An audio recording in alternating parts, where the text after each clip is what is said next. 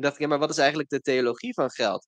En als ik de wereld beter wil laten draaien, eh, ook vanuit mijn geloof, eh, en zo'n verlangen heb, ehm, moet ik dan niet ook aan mijn financiële voetafdruk gaan denken? Eh, elke cent die ik laat rollen, heeft impact. Dat ik die, eh, die broek heb gekocht, dat legt mij in relatie met iemand in Bangladesh, Mhm. die ik nooit zal kennen. Maar ik ben wel verbonden met diegene. Ja. Dat Die vind verbondenheid eh, die is er met ja. dat je eh, je geld uitgeeft. ja, Ja, je houdt iets in stand ook. Ja, zeker. Je werkt aan een systeem mee en je kunt wegkijken, je kunt het anonimiseren, maar ik vind het een theologisch gegeven. Van met wie ben ik verbonden? Wie is mijn naaste? Nou, dat is blijkbaar misschien een kind dat in een kledingfabriek werkt. Eh, en wil ik dat wel op deze manier? Wat is de Bijbel eigenlijk voor een boek? Verzameling eeuwige waarheden waar je in moet geloven? Of een mooi verhaal met een moraal? Een museum van oudheden? Interessant voor de liefhebber, maar verder toch vooral achterhaald? Of kan het nog anders? In deze podcast ga ik in gesprek met theologen die die Bijbel zo gek nog niet vinden. Zij nemen ons mee door een tekst met een frisse, vrolijk, kritische blik en zoomen in op de vraag wat die vreemde tekst nu juist vandaag te zeggen heeft. Mijn naam is Marco Visser, vaste co-host is Rob Itman. Leuk dat je luistert naar de podcast De Nieuwe Bijbelschool. Ja, vandaag een eh, bijzondere aflevering eh, van onze podcast. De podcast De Nieuwe Bijbelschool. Het is eh, bijzonder omdat jij bij ons bent, eh Alain Verheij. Leuk om hier te zijn, zeker. Leuk, zeker. Jij bent ehm, eh, freelance theoloog. Eh, ZTZP'er, zou je kunnen zeggen. Eh, eh, fijn dat je deze Bijbelklas met ons wilt doen, zoals we dat in onze podcast zo gewend zijn. We gaan straks een tekst lezen en jij neemt ons daardoor heen. Ehm, dat is allemaal heel gewoon voor ons, hè, Rob. Inmiddels wel. Maar bijzonder is natuurlijk dat wij live zijn. In de door ons allen zo geliefde boekhandel Donner. In Rotterdam, in dit kleurige theatertje. Eh, met mensen. Eh, wat goed om jullie allemaal te zien. Eh, heel hartelijk welkom. Eh, normaal gesproken zitten we bij jou in de studio. Eh, hoe, hoe vind je dit? Gaat het? Dit is wel een stukje spannender. Ja. We gaan het Hoewel- zien. Hoewel deze mensen zo vriendelijk naar ons kijken dat ik eh, meteen helemaal, helemaal, helemaal Even wennen. Gunnende blikken zien we. Ja, zo is het maar net. Ehm, leuk dat jullie gekomen zijn. Hartelijk welkom. We hebben veel te doen. Ik eh, verheug me op ons gesprek. Eh, er ligt een boek, Geld en Goed. Ehm, om het meteen maar even te zeggen, is het reclameblokje. Het is een goed boek. Het is mooi geschreven en het, eh, het, eh, nou, het doet ertoe. Geld en Goed, hoe we de wereld echt kunnen verrijken. Ehm, daar gaan we het over hebben. Ehm, en we gaan dan vervolgens, dus zoals gezegd, inzoomen op één tekst daaruit, die jij ook bespreekt. Een Bijbeltekst dus. Eh, want daar gaat het boek dus ook over. Hè? Over Bijbelteksten naast ehm, eh, het, thema van geld, economie, schulden, welvaart en onze omgang met de wereld. Eh, zo. Maar, maar dus met Bijbelteksten daartegenaan. Maar we beginnen altijd eh, toch ook even met het, eh, het verhaal van de, de theoloog van dienst. Eh, wat, is jouw, wat is jouw wordingsgeschiedenis als theoloog? Ik kom uit Rotterdam, voor degenen die hier zitten en dat graag willen weten. Dus het voelt als een thuiswedstrijd hier. Ehm, ik ben eigenlijk van jongs af aan gefascineerd geweest door oude verhalen. Dat was op de basisschool voornamelijk het oude Egypte. En langzaam maar zeker groeide dat uit eh, via een studie geschiedenis, waar ik voortijdig ben afgehaakt, eh, naar een studie theologie. Omdat ik dacht, ja, maar dan mag je dus oude verhalen bestuderen en vertellen. Maar dan zijn er ook nog mensen die die verhalen willen horen eh, en in hun eigen leven willen laten landen. En dat is een heel bijzondere combinatie. Dat is ook het verschil met Egyptische of enzovoort. eh, Meestal wel, inderdaad. Als je dan vertelt hoe een piramide is gebouwd, dan doen daar mensen minder mee eh, in hun dagelijks leven dan als je het Ja. over de toren van Babel hebt. En zo, eh, ja, zo ontstond dat dus. En toen heb ik voor mezelf bedacht, het zou nou leuk zijn als ik theoloog kon zijn en fulltime het leukste deel van het werk kon Mhm. doen, namelijk bijbelverhalen vertellen. En dat bleek te kunnen. Dus zo ben ik freelance eh, theoloog geworden. Eh, en overal met name met de Bijbel bezig. Of dat Mhm. nou in Dagblad Trouw is, hier bij jullie in een podcast, in boeken of in de kerk. Of overal. Ehm, want, want, want dat was jou dus eigenlijk van meet af aan, eh, zeg maar, het, het, het centrum van dat theoloog zijn. Voor mij wel, ja. ja. Dat eh, noemden ze vroeger in de jaren zeventig, denk ik, narratieve theologie. Dus het vertellen van die verhalen en dan kijken wat gebeurt er als je die verhalen met elkaar bestudeert en daar met elkaar over bezig gaat. En de- wat dat betreft is dus de nieuwe Bijbelschool, eh, eh, is dit voor mij een prima plek om te zitten. Ja, ik begrijp het. Ja. En hoe, hoe kom je in die, die, die oude verhalen, die spreek je aan? Is er ergens een, een moment geweest waarop je op die oude verhalen bent uitgekomen? Dat je zegt, goh, Ja, ik denk dat ik dat het leukste deel vond van de theologiestudie. Daarmee bezig te zijn. En je hebt heel veel aspecten van een theologiestudie. Hè. Je leert eh, kerkrecht, kun je leren. eh, dogmatiek, de leer, hè, liturgiek. Maar ik vond het allerleukste elke keer eh, die Bijbel. Maar er zit toch wel iets anders in ook. Ehm, ik heb voor mezelf goed nagedacht. Wat zijn nou de aspecten van dat christelijk geloof, van de theologie, ehm, die volgens mij de 21ste eeuw zeker gaan overleven? Hoe dan ook. Toen kwam ik voor mijzelf op eh, drie aspecten. Ik weet niet, eh, ik geef het mensen in een zaal altijd eh, te denken. Van bedenk zelf eens, als je in drie dingen zou moeten zeggen. Wat zijn dingen die niet kapot kunnen aan je christelijke traditie? Nou, voor mij zijn het verhalen, één. rituelen, twee. En drie, gemeenschapszin. Dat je elkaar tegenkomt en vindt. Eh, en altijd als ik daar die drie dingen eh, bespreek, blijf ik bij die verhalen hangen. Omdat daar mijn eigen voorliefde zit. Ik zit nou ook weer te vertellen. Ehm, en ik heb het idee dat dat ook, we zitten hier in een boekhandel, eh, dat verhalen levendiger zijn dan ooit. Jongeren kijken veel series, ouderen overigens ook steeds vaker. Ja, Is ook zo. Ehm, boeken worden steeds beter weer verkocht, hoorde ik. Mede dankzij TikTok. Reclames bestaan allemaal uit verhalen. Hè, je vertelt niet van dit zijn de voordelen van dit drankje. Maar je vertelt eh, Red Bull geeft je vleugels. En er wordt gelijk een verhaal van gemaakt. Communiceren doen we door verhalen te vertellen. Eh, en de Bijbel bestaat nou eenmaal voor het overgrote deel uit verhalen. En daar kan je wat mee. En kreeg je deze verhalen van thuis al, eh, al mee?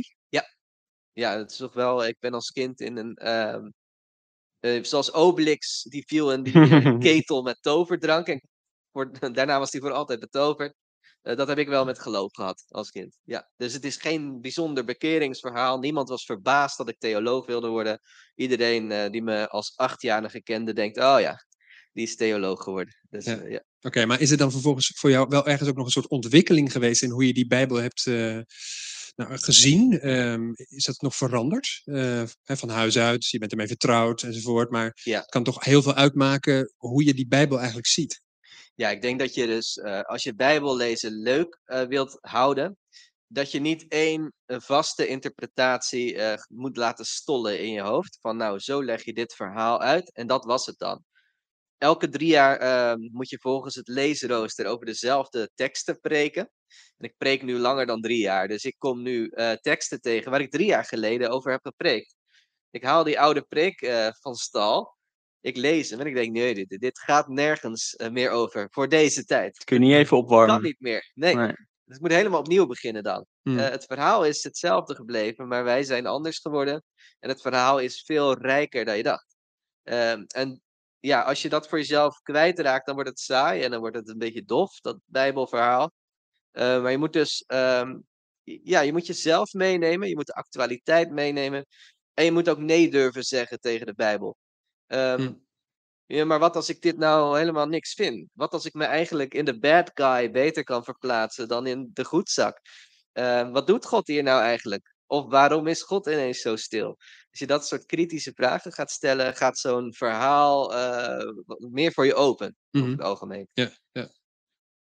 Maar je zegt van je hebt het van huis uit meegekregen, maar kom je uit een omgeving waar heel anders met de Bijbel wordt omgegaan? Eh, dus hè, er zijn natuurlijk ook eh, kerkelijke omgevingen waar de Bijbel heel strak gelezen wordt, of Ja. heel, juist heel historisch, van het moet allemaal precies zo ook waar zijn en gebeurd zijn enzovoort. Of je moet het geloven, want anders, of iets dergelijks. Zeker, ja. Eh, ik eh, kom uit een eh, Nederlands gereformeerde traditie, onder andere. Er stromen heel veel bloedgroepen door, eh, door mijn aderen, maar dit is een van de bloedgroepen. En daar heb ik wel eens een preek gehoord, die ja, van de 20 minuten werd een kwartier besteed aan het betoog dat je moest geloven dat Jona echt historisch in een vis had gezeten. Eh, en tegenwoordig kom ik wel eens op plekken waar ik het verhaal van Jona vertel. En dan hoor ik achteraf van iemand: nee, maar je had moeten zeggen dat het niet echt gebeurd is. Ehm, ik hou me daar zelf niet zo erg mee bezig. Ik eh, wil die verhalen op zo'n manier. ehm, eh, op zo'n manier wil ik die verhalen vertellen dat ze voor zowel mijn wat behoudende familieleden als voor degenen die hier buiten lopen en op een terrasje zitten en niets met religie hebben, gaan spreken. Want ik heb dus familieleden die hebben onderling ruzie of er een dakraam in de ark van Noach zat of niet. En hoe groot die dan wel niet was. Ja, de nee, maten kloppen. Ja, en dan ook echt ruzie, hè? Eh, eh, en, ik heb, eh, ja, en ik heb ook mensen om me heen die, die dat hele verhaal nog nooit hebben gehoord. Maar als je het vertelt, moet zo'n verhaal altijd tot leven komen voor de mensen hier en nu. Ja, en, en je zegt dus eigenlijk die, die vraag van hoe is het dan echt geweest, die hoeft er misschien niet zo toe te doen. Of dat kun je gewoon Probeer ja, ik overslaan of, of eh, eh, ja, soeverein negeren. ja, eroverheen eh stappen. Ja. Maar word je niet altijd in dank afgenomen misschien. Ehm, nou, doordat ik dus niet eh, de theoloog ben die zegt: eh, het is nou eenmaal niet echt gebeurd, maar wel waar. Ehm, hè, dat, ik hou me er gewoon niet mee bezig. Dus ik ben dan ook niet zo controversieel. Dus degene die, eh, die niets gelooft en die zit naast mijn grootmoeder bijvoorbeeld, eh, die alles historisch gelooft, die kunnen allebei naar luisteren als het goed is. Dus eh, ik denk dat iedereen het me in dank afneemt. Eh, een criticaster zou kunnen zeggen: ja, jij zwemt eh, conflictmijdend overal ja. doorheen. Zo zie ik het zelf niet, maar je zou het kunnen zeggen. Ja. Ja. En wat is jouw ervaring met mensen die vandaag de dag helemaal niet meer groot worden gebracht of bekend zijn met de Bijbelse verhalen, wanneer jij met hen spreekt over die verhalen? ja, zo is het eigenlijk begonnen, mijn schrijverschap.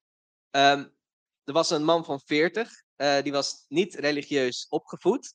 En die zei tegen mij, Alain, eh, mijn ouders hebben de kerk verlaten in hun twintiger jaren. Ik weet niet waarom, ze hebben er nooit over gepraat. Maar ik heb nu zelf kinderen die op de leeftijd komen dat ze vragen gaan stellen over de zin van het leven.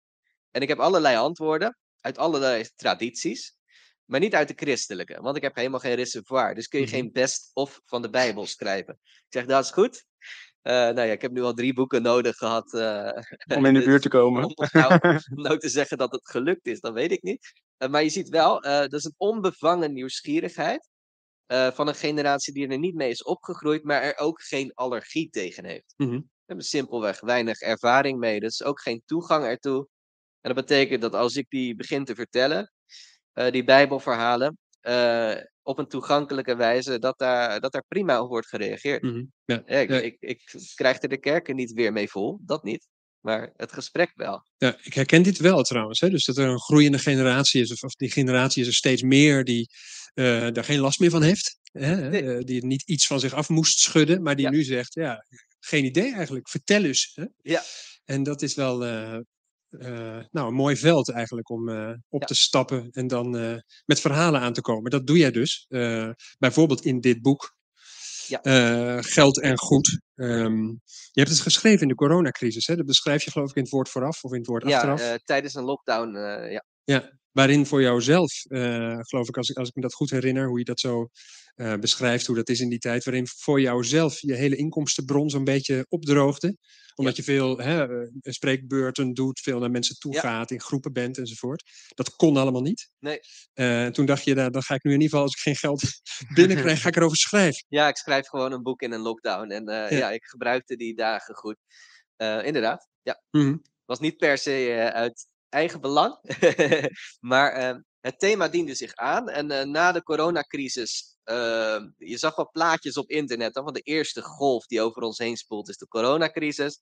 De tweede golf is een economische recessie. Die volgt op de coronacrisis. De derde golf is de klimaatcrisis. Ja. Dus ik heb Het tegen mijn uitgever groter, dat gezegd... eh, dat ja, plaatje, die, hè? die golven worden steeds groter. Dus ik heb tegen mijn uitgever gezegd, nou dan ga ik tijdens de coronacrisis ga ik vast over die tweede golf schrijven. En eh, dan komt daarna een boek over het klimaat. Weet Oké. dat alvast? Dat komt er dus aan. Ja. Ja. Hey, maar ehm, ik ben wel benieuwd, eh, wat, wat is als het ware de kiemcel eh, van, van dit boek? Hè? Dus je schrijft over al die thema's. Ja. Economie, hoe wij met geld omgaan, schulden, ongelijkheid. Nou, je schrijft heel luchtig, heel toegankelijk. dat, dat dan als je vooral op, op die golf gaat zitten, zeg maar, dan denk je, nou oké, dat leest lekker. Maar er is ook iets, eh, een echte drive, dacht ik. Eh, heb ik dat Ja. goed eh, gelezen? Een soort Ja, absoluut. Ja. emotie, of een ergernis misschien zelfs wel, of een frustratie, of nou ja, nu vul ik het in, maar Ja, wat is het? Laat alleen even. Ja, sorry. Frustratie, nee, alles wat je noemt zit erin. Ja, oké. Eh, ja, absoluut. Ehm, dus daar heb je gelijk en heb je goed geroepen. Er zit gewoon er zit hart en ziel in. Mm. Eh, en dat komt, ja, geld is geen onderwerp wat mij heel erg eh, nauw aan het hart gaat. Ik vind het leuk als je mijn boek straks koopt hoor, zeg ik hier tegen het publiek. Maar eh, dat is niet iets wat mij per se bezighoudt. Wat mij wel bezighoudt is, hoe kan ik in godsnaam zorgen dat mijn voetafdruk op deze wereld eh, een beetje positief is. Dat ik deze wereld op een betere manier achterlaat dan ik hem betrad.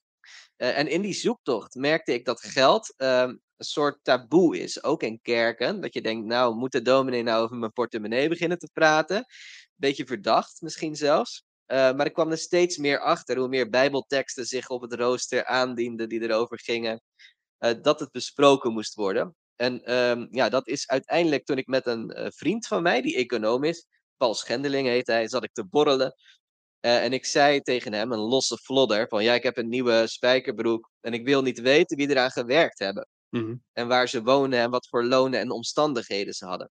En ik nam mijn volgende biertje, maar eh, Paul Schendeling is toen twee jaar lang gaan uitrekenen wie eraan gewerkt heeft. Aan de spullen die ik koop. En toen kwam hij erachter, nou ja, er zijn dus twee niet-westerse werknemers fulltime aan het werk voor elk Nederlands gezin. Voor de Ja. elektronica die ik koop, de spullen, eh, kleding, alles. En toen heeft hij dat gedaan en daar een boek van gemaakt. En toen was ik aan zet. Toen dacht ik, ja, maar wat is eigenlijk de theologie van geld?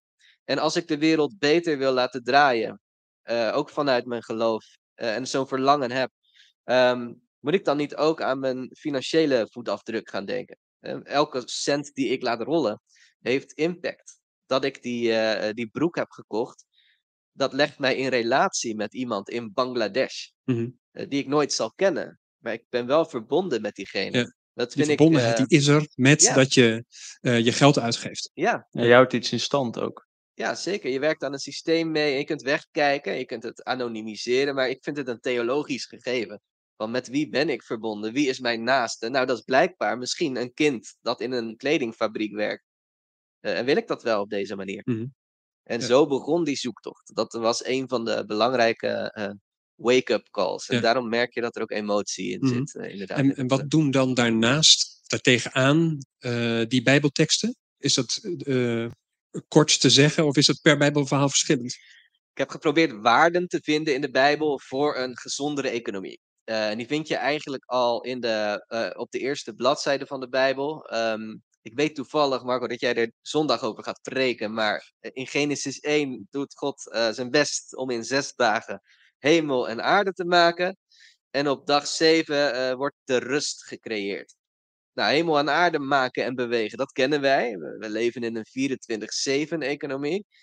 En misschien zou zo'n Bijbelverhaal suggereren van misschien is een 24-6-economie beter. Mhm. Hè, dat je één dag per week rust houdt, of één op de zeven uren, één op de zeven weken. Eh, dus dat je rust inbouwt in je systeem. Eh, dat is bijvoorbeeld een van de waarden die ik heb gevonden. Mhm. Dat is ook iets waar wel veel mensen op stuiten. Hè? Dat Ja. dan uit een boek, ja, zou dan op zondag niks, eh, niks kunnen kopen? Zou dat dan niet mogen? Ja, nou dan krijg je inderdaad die vraag. Ja. En we komen eigenlijk uit eh, een generatie of twee generaties terug. Die mochten op zondag geen ijsje kopen. En het buurmeisje mocht wel skaten op zondag en jij niet. En dat is een flauwe vorm van die bijbelse rust misschien.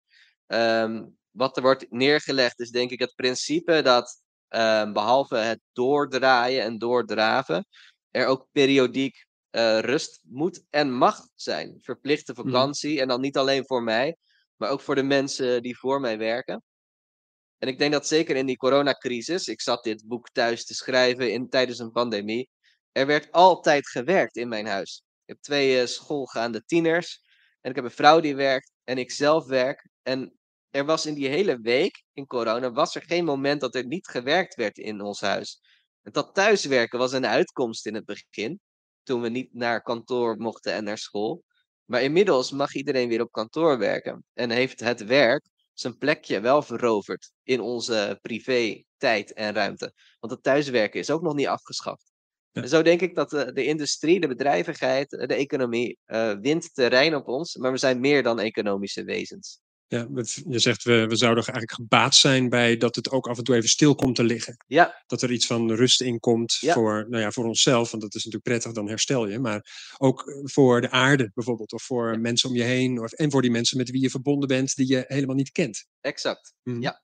En dat zou dus ook de dinsdag kunnen zijn. zou de dinsdag kunnen zijn of eh, elke dag een, een uurtje eh, reserveren voor rust eh, of, voor- of voor iets fijns. Maar in ieder geval plan het goed in, want automatisch wordt het niet aan je gegund, de rust. Er wordt Mhm. altijd iets van je gevraagd. Het staat nooit stil. Hè? Nee. Ehm, nou, wij springen er maar even in, eh, even verder erin, even inzoomen. Ehm, we gaan naar die tekst toe, even een bruggetje. Ik, ik was eh, van de week bij de eh, opening van het academisch jaar van de PTHU, van de Protestantse Theologische Universiteit. Daar sprak Rosanne Hersberger, de microbiologe, die ook columniste is in de NRC. eh, altijd een pittige pen heeft ze. Eh, zij was daar om eh, de theologen wat op te porren. De theologen zitten altijd een beetje te denken, ja, wat, wat doen wij? Wat, wat, wat is onze taak op aarde? Ehm, zichzelf voortdurend opnieuw uitvinden. En zij zei, stop daar nou eens mee en doe gewoon je ding. Eh, citaat, ga desnoods schaamteloos zitten nerden over je oude teksten. Nou. citaat. Waarmee ze zei van, van, houd die bronnen levend, doe gewoon je ding. Hè? Nou, dat was En wel- pas je niet te veel aan, toch? Eh, zeker. Dus eh, ook ja, ga niet voortdurend met alle mode mee. Denk niet voortdurend dat je overal op ieder actuele thema moet springen. Maar blijf gewoon bij je, bij je, eigen, eh, ja, je eigen basis, bij je eigen métier. En dan, nou ja, dan komen de actuele, actuele vragen vanzelf wel naar je toe. Eh, of dat laatste ook zo is, nou ja, dat moet jij ons zo meteen maar eh, vertellen. Maar dat eerste, dat kunnen we gerust doen. Wij hebben een tekst op tafel en de mensen die nu hier zitten, u hebt hem ook gekregen, dus u kunt meelezen. Eh, ik zit even af te vragen waar ik eigenlijk mijn tekst gelaten heb. Maar eh, Heeft iemand nog een tekst van Marco? wel goed. Oh ja, kijk, ja. Dank je. Of ligt hij onder mijn stoel? Ehm, ja, moeten we het nog, nog eh, inleiden? Wil je nog iets eh, van tevoren zeggen? Zoals dan Janine Abbering aan de zomergast vraagt? Of we ja, nee, we hebben een gelijkenis van Jezus. Jezus heeft veel gelijkenissen. Dat zijn verhalen die lijk je in eerste instantie direct te begrijpen. Jezus spreekte aan de hand van verhalen. Eh, een kind kon het begrijpen en een geleerde kan er eh 2000 jaar later nog steeds nieuwe dingen in vinden. Ja, dit is gelijkenis van de talenten. Wil je dat ik hem voorlees? Of, Graag, nee ja? zeker. Ja. Eh, Jezus zegt, eh, het, zal zijn met een, eh, het zal zijn als met een man die op reis ging, zijn dienaren bij zich riep en het geld dat hij bezat aan hen in beheer gaf. Aan de een gaf hij vijf talent, aan een ander twee en aan nog een ander één, ieder naar wat hij aankon. Toen vertrok hij. Meteen ging de man die vijf talent ontvangen had op weg om er handel mee te drijven en zo verdiende hij er vijf talent bij. Op dezelfde wijze verdiende de man die er twee had gekregen er twee bij. Degene die één talent ontvangen had, besloot het geld van zijn heer te verstoppen. Hij begroef het. Na lange tijd keerde de heer van die dienaren terug en vroeg een rekenschap. Degene die vijf talent ontvangen had, kwam naar hem toe en overhandigde hem nog vijf talent erbij, met de woorden: Heer, u hebt mij vijf talent in beheer gegeven. Alsjeblieft, ik heb er vijf bij verdiend. Zijn heer zei tegen hem: Voortreffelijk, je bent een goede en betrouwbare dienaar. Omdat je betrouwbaar was in het beheer van een klein bedrag, zal ik je over veel meer aanstellen. Wees welkom bij het feestmaal van je heer. Ook degene die twee talent ontvangen had, kwam naar hem toe en zei: Heer, u hebt mij twee talent in beheer gegeven. Alsjeblieft, ik heb er twee bij verdiend. Zijn heer zei tegen hem: Voortreffelijk, je bent een goede en betrouwbare dienaar. Omdat je betrouwbaar was in het beheer van een klein bedrag, zal ik je over veel meer aanstellen. Wees welkom bij het feestmaal van je heer. Nu kwam ook degene die één talent ontvangen had naar hem toe. Hij zei: Heer, ik wist van u dat u streng bent. Dat u maait waar u niet hebt gezaaid en oogst waar u niet hebt geplant. En uit angst besloot ik uw talent te begraven. Alsjeblieft, hier hebt u het terug. Zijn heer antwoordde hem: Je bent een slechte, luie dienaar. Je wist dat ik maai waar ik niet gezaaid heb en oogst waar ik niet heb geplant. Dan had je mijn geld dus bij de bank in bewaring moeten geven, zodat ik het bij mijn terugkomst met rente zou hebben teruggekregen. Neem hem dat talent af en geef het aan degene die er tien heeft. Want wie heeft, zal nog meer krijgen en wel in overvloed. Maar wie niets heeft, hem zal zelfs het laatste worden ontnomen. En die nutteloze dienaar, gooi hem eruit, in de uiterste duisternis, waar men jammert en tand. Tot zover. Tot zover de schriftlezing, eh, mensen. Ja. Goedemiddag. Ehm, ja, ik, eh, mag ik even bij jou beginnen, Rob? Jij bent misschien ietsje minder eh, als Obelix in de ketel eh, met verhalen gevallen, weet ik niet. Ehm, Niet met de Bijbelverhalen in ieder geval. nee. komt jou dit bekend voor? Mm, ik heb dit verhaal wel eens gehoord, maar zo een tijdje terug ook ergens. eh, En wat, dus eh, ik kan het niet, eh, niet, niet uithalen wat ik toen heb meegekregen, maar dat kan elke keer weer anders zijn. Dus dat is dan weer mooi Maar wat denk, wat denk je? Wat, eh, Nou ja, eh, ergens gaat het erom dat als je niet doet met iets wat je hebt gekregen, wat je eruit kan halen, dat het dus, nou ja, je iets oplevert om eh, in de der- uiterste duisternis eh, te worden verbannen. Eh, maar wat me in, de, in het begin in ieder geval even opviel, dat je, je hebt geld en talent en die worden door elkaar gebruikt. Ja, één talent, dat is een gewicht in zilver. Ik heb het in de trein hierheen heb ik het omgerekend. En één talent zilver is voor nu 600.000 euro. Dus het is een flink bedrag. Hè? Die heer zegt aan het eind van je was betrouwbaar in een klein bedrag. Diegene die vijf talent kreeg, heeft dus ja 3 miljoen eh, in beheer gekregen. Euro voor begrippen van nu. het gaat toch eigenlijk om, om astronomische bedragen. Eh, ja, ik Ja. vind het persoonlijk ook niet het kleinste bedrag. Er zijn misschien mensen die daar niet eh, met hun oog van knipperen, maar eh, ik dan wel. Ja, Ja, en het valt me op, we hebben veel teksten in de vorige podcast ook gehad, dat dit, eh, het is meer uitgeschreven als een verhaal. Het staat niet colummetrisch onder elkaar. Nee. Wat we wel vaak eh, tegenkomen. hè? Is dat een keuze die jij maakt, of is het iets... Nee, dit is echt proza, dus het is echt een verhalend gedeelte. Eh, heel literair zit het volgens mij ook niet in elkaar. Vrij recht toe, recht aan is het. eh, je ziet het Jezus staan vertellen, dit verhaal.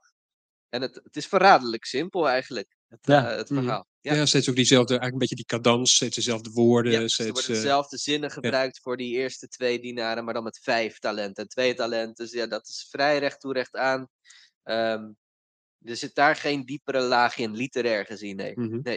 Wat je bij psalmen nog wel eens kunt hebben, bijvoorbeeld. En veel profeten in eh, de Hebreeuwse Bijbel schreven inderdaad ook met korte zinnetjes, poëtisch onder elkaar.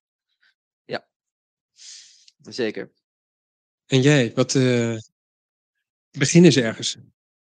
Nou, je ziet, ehm, Jezus sprak niet zo graag over geld.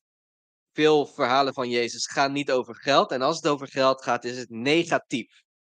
Geld is oninteressant voor Jezus, iets waar je je niet druk om moet maken. Rijke mensen moeten hun geld vooral weggeven. Eh, en als hij over geld spreekt, dan spreekt hij niet altijd echt over geld. En dat is in dit geval een spannende, want dit is eh, misschien wel de langste tekst van Jezus die over economie gaat. Over mensen die geld in beheer krijgen en daarmee gaan eh, handelen en daar rendement uithalen. Het is gewoon een handelsgeest die hij beschrijft. Mhm. Dit is het langste stuk wat over geld gaat. Maar dit stuk gaat eigenlijk helemaal niet over geld. Ik denk dat jij het net ook al zei. ehm, dat ehm, het eigenlijk gaat over iets wat jou is gegeven. En het feit dat het talenten heten, eh, dat is een gelukkig toeval. Want vaak wordt het ook zo uitgelegd. ehm, dat Jezus het eigenlijk niet over het geld heeft wat je hebt gekregen. Maar dat het gaat over, hè, ik ben de Heer. Dat is de traditionele uitleg in ieder geval. Ik ben die Heer. Ik ben een lange tijd op reis. Ik ben er even niet. En ik laat jullie hier achter met, nou, de een met vijf talenten, de ander met twee en de ander met één. Dus je hebt allemaal verschillende talenten, verschillende rijkdommen. En daar moet je wat mee gaan doen. Anders eh, verliest het door de inflatie zijn waarde. Gebeurt er niks mee, heeft het geen rendement. En die heer zelf laat het blijkbaar aan zijn dienaren over. En in deze uitleg eh, zijn de volgelingen van Jezus eigenlijk die dienaren. ehm, om met de dingen die ze hebben gekregen van God iets te gaan doen. Ga ermee spelen. Ga ermee naar buiten. Het is grappig dat dus in eerste instantie eh, lijkt het verhaal over geld te gaan. Maar in feite gaat het waarschijnlijk over de mate van, eh, ja, van geestrijkheid, van talenten, van het goede dat we hebben gekregen. Dus die talent in het, in het, op het niveau van het verhaal is het, gaat het over een bedrag. Ja. Maar je vertaalt het naar nou ja, je gave, iets wat je krijgt in geestelijke zin. Ja. vergeestelijk je het verhaal dan niet? Ga je dan niet eh, zeg maar, te snel naar een mooie bovenliggende betekenis? Terwijl, ja, en is het dan zeg maar, zomaar dat er eh, zeg maar, dat, dat beeld met dat, ja, dat economische wordt, eh, wordt gebruikt? Ja, er wordt eh, door Jezus graag gekozen voor alledaagse beelden. Dus hij heeft het vaak over schaapherders. Hij heeft het net, geloof ik, gehad over een bruiloft. Maar de bruidegom laat maar op zich wachten. En de mensen die te gast zijn, moeten dus veel olie in hun lampje bij zich hebben. Omdat ze lang moeten wachten tot het feest begint. En dan komt deze gelijkenis. Het gaat dus in feite over. eh, wat doe je terwijl eh, Jezus langer weg blijft dan je dacht? Want zeker de vroege christenen verwachten elk moment dat Jezus terug zou komen. Maar wat doe je als het langer blijkt te duren? Dan moet je zelf maar gaan spelen en investeren. En daarvoor gebruikt Jezus in dit geval een beeld dat mensen daar voor een deel in ieder geval al goed begrepen en kennen. Namelijk het beeld van iemand die een kapitaaltje krijgt en daar eh, ja, bitcoins van koopt. Om te kijken of hij er meer van kan maken of minder. Ja. Of, om het maar even naar nu te halen. Hè? Maar die daar eh, investeringen van gaat maken.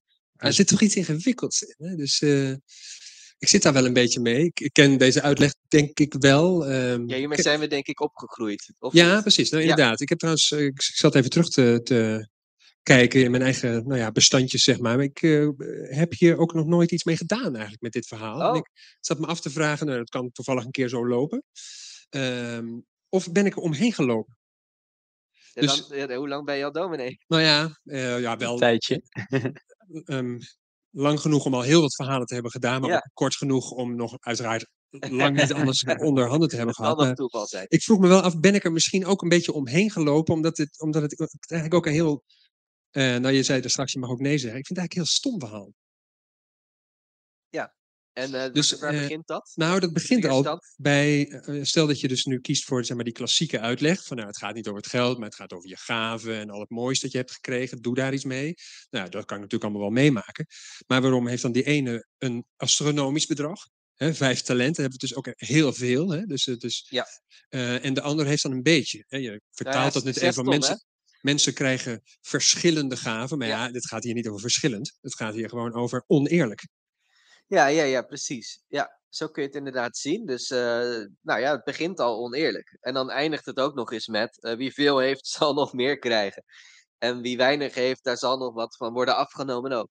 Ehm, gaat dus blijkbaar, er wordt ook, die, die dienaren krijgen naar hun, eh, naar hun aard. Dus waar ze mee toevertrouwd worden.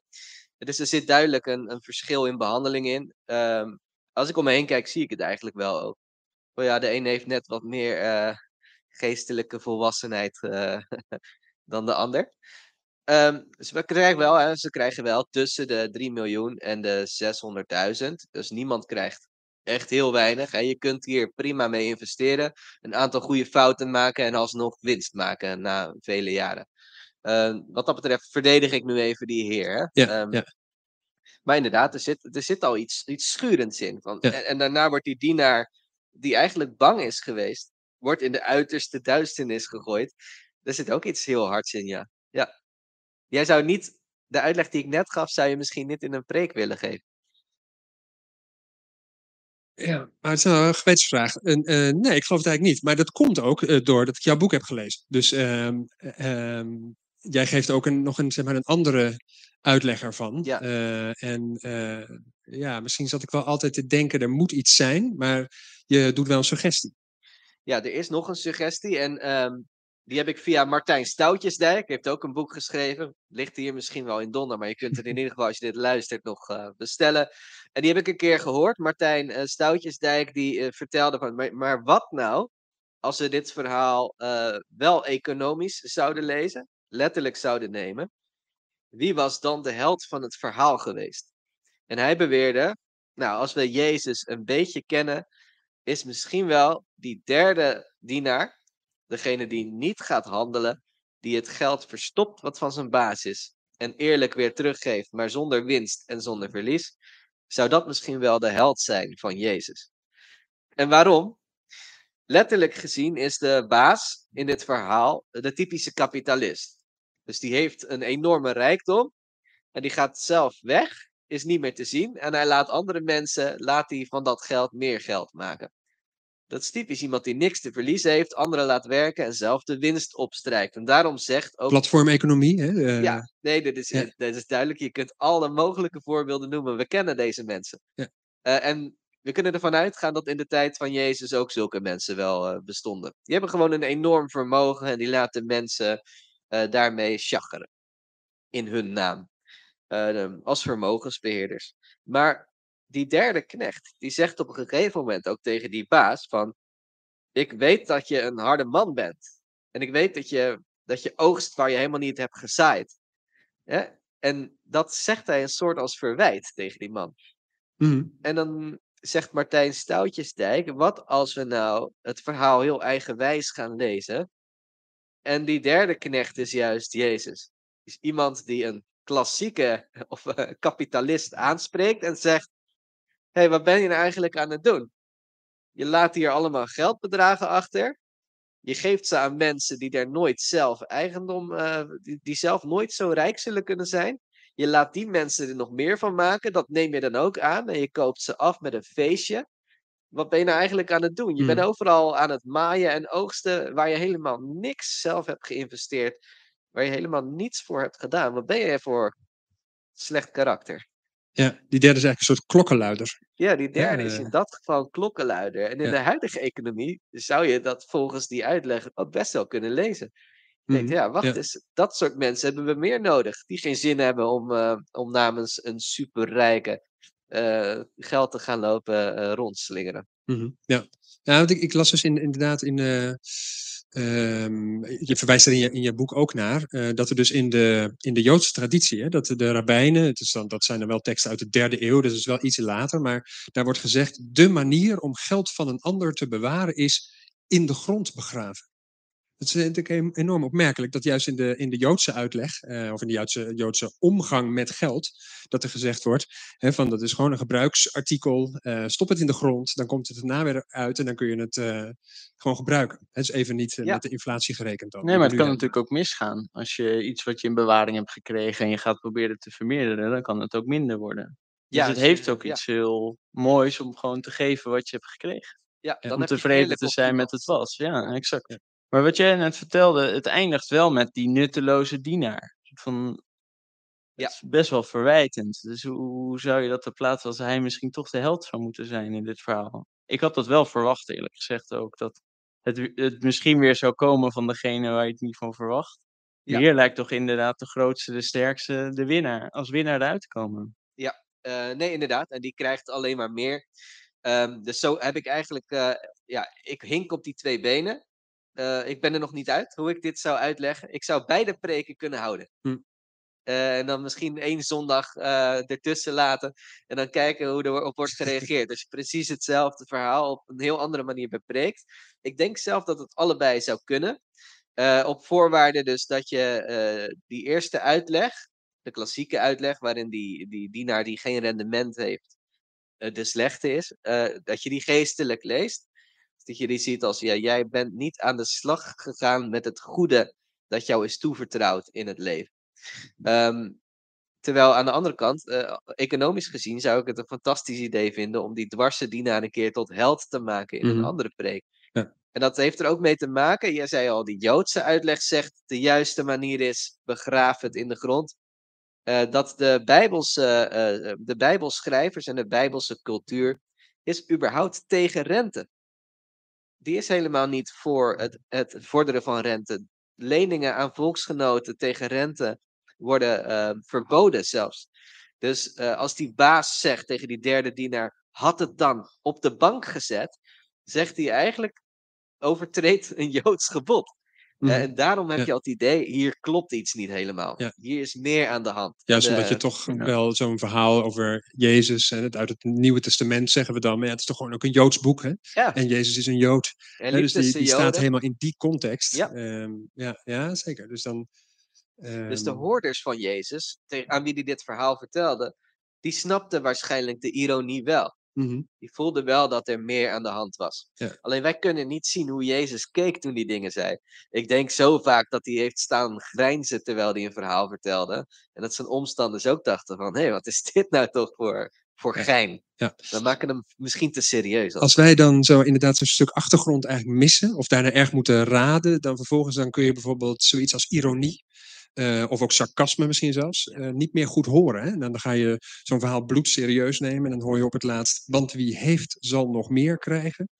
Eh, wie niets heeft, hem zal zelfs het laatste worden ontnomen. En dan Ja. denk je, oké, dat zegt dus de Heer. Ehm, Ja, en dan gaan ze naar de uiterste duisternis om voor altijd te knarsen tanden. Dat, is, dat, Ja. dat klinkt dan wel heel, heel Ja. donker. Ja, als ik dan dat zinnetje zo lees, denk ik, ja, is dat niet veel meer inderdaad toch gewoon een, een, een beschrijving van hoe onze wereld werkt?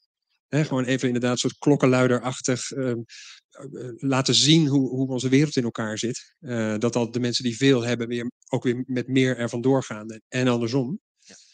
Die kloof zit mij wel dwars, moet ik je bekennen. Dat is wel iets wat, en wat ik in jouw boek ook ehm, proef trouwens. Dat, dat, de, de ongelijkheid. ehm, dat je alleen al als je als kind met een verkeerde postcode wordt, eh, wordt geboren, bij wijze van spreken, dan eh, sta je al met 2-0 achter. En dan weet je ook dat de kans heel groot is dat je in de loop van je leven met 4-0 achter staat. Ja. Dat, eh, en dat, ergens gaat dat hier. Je ziet dat hier daarover, hè? ook. Er, er is een experiment is gedaan met een monopoliespel. Waarin één persoon kreeg een dubbele dobbelsteen en dubbel geld als diegene over start ging. Waardoor diegene natuurlijk het spel glansrijk won. Want het was een oneerlijk begin. En toen hebben ze gezien dat diegene, ondanks het overduidelijke oneerlijke verschil, diegene ging rechterop zitten, kreeg een dominantere houding, ging drukker praten en was erg trots eh, op de overwinning van het spelletje. Eh, zo zie je die ongelijkheid groeien en ergens denken we allemaal onderbewust, ja maar zo moet het nou eenmaal zijn. Zo is het altijd geweest. Maar dat is natuurlijk helemaal niet zo. Mhm. Dat is wat dit verhaal misschien ook wel probeert te zeggen. Ja, wat dat betreft is dit ook echt een parodie op een economie die eigenlijk helemaal niet klopt. Mhm. En dan ga je toch wel sterker. Ja, ik merk dat ik zo al pratend toch eens naar die tweede lezing ga. Ja, ja, ja. Eh, jij hield het nog wat meer open. En dat is natuurlijk ook mooi, hè, om juist ook die verschillende lagen en betekenissen in verhalen wel altijd overeind te houden. Dat, eh, daar ga ik wel echt met je mee. Maar tegelijkertijd nu denk ik, ja, misschien hebben wij toch wel, eh, is er toch wel veel te zeggen ook voor die, ja, zeg maar die parodielezingen. Dat, eh, dat die, die ironie of dat ergens proberen iets op te schudden. Ehm, ja, jij ook? Of eh, Ik al denk- pratend? nou, ik, ik denk dat jouw kerkleden binnen een korte tijd inderdaad eh, ervan gaan horen. Ja, misschien ga ik het toch eens, eh, ga ik eh, En dat vind ik mooi om te zien ontstaan inderdaad. Het, Ja, eh, ja. ja. Zeker. Is jouw boek is ehm, in die zin toch ook wel weer een beetje een optimistisch boek? Of een, je doet in het laatste hoofdstuk echt een poging om ook een aantal ideeën aan te dragen. Of Ja. een aantal nou, voorstellen te doen van, nou ja, op grond van die verhalen zouden we nou niet dit kunnen proberen of dat. Ehm, eh, heb je het inderdaad voor jezelf, dat project, wel met een, een positieve afgesloten? Of? Ik, heb, eh, ik, ik, ik sta niet zo eh, eh, optimistisch in, in het leven. Ik vind het een lastige tijd en er zijn veel dingen die moeten veranderen en die anders moeten. Dus ik heb echt eh, ook die bevriende econoom weer moeten bellen, die Paul Schendeling. Van ja, maar ik heb nou zes hoofdstukken of zeven. Hoe ga ik dit afsluiten? Hoe moet ik dit boek uit? Waardoor ik niet chagrijnig denk. Van Hmm. eh, dit moet anders, dat hadden we nooit moeten doen, dit moet minder.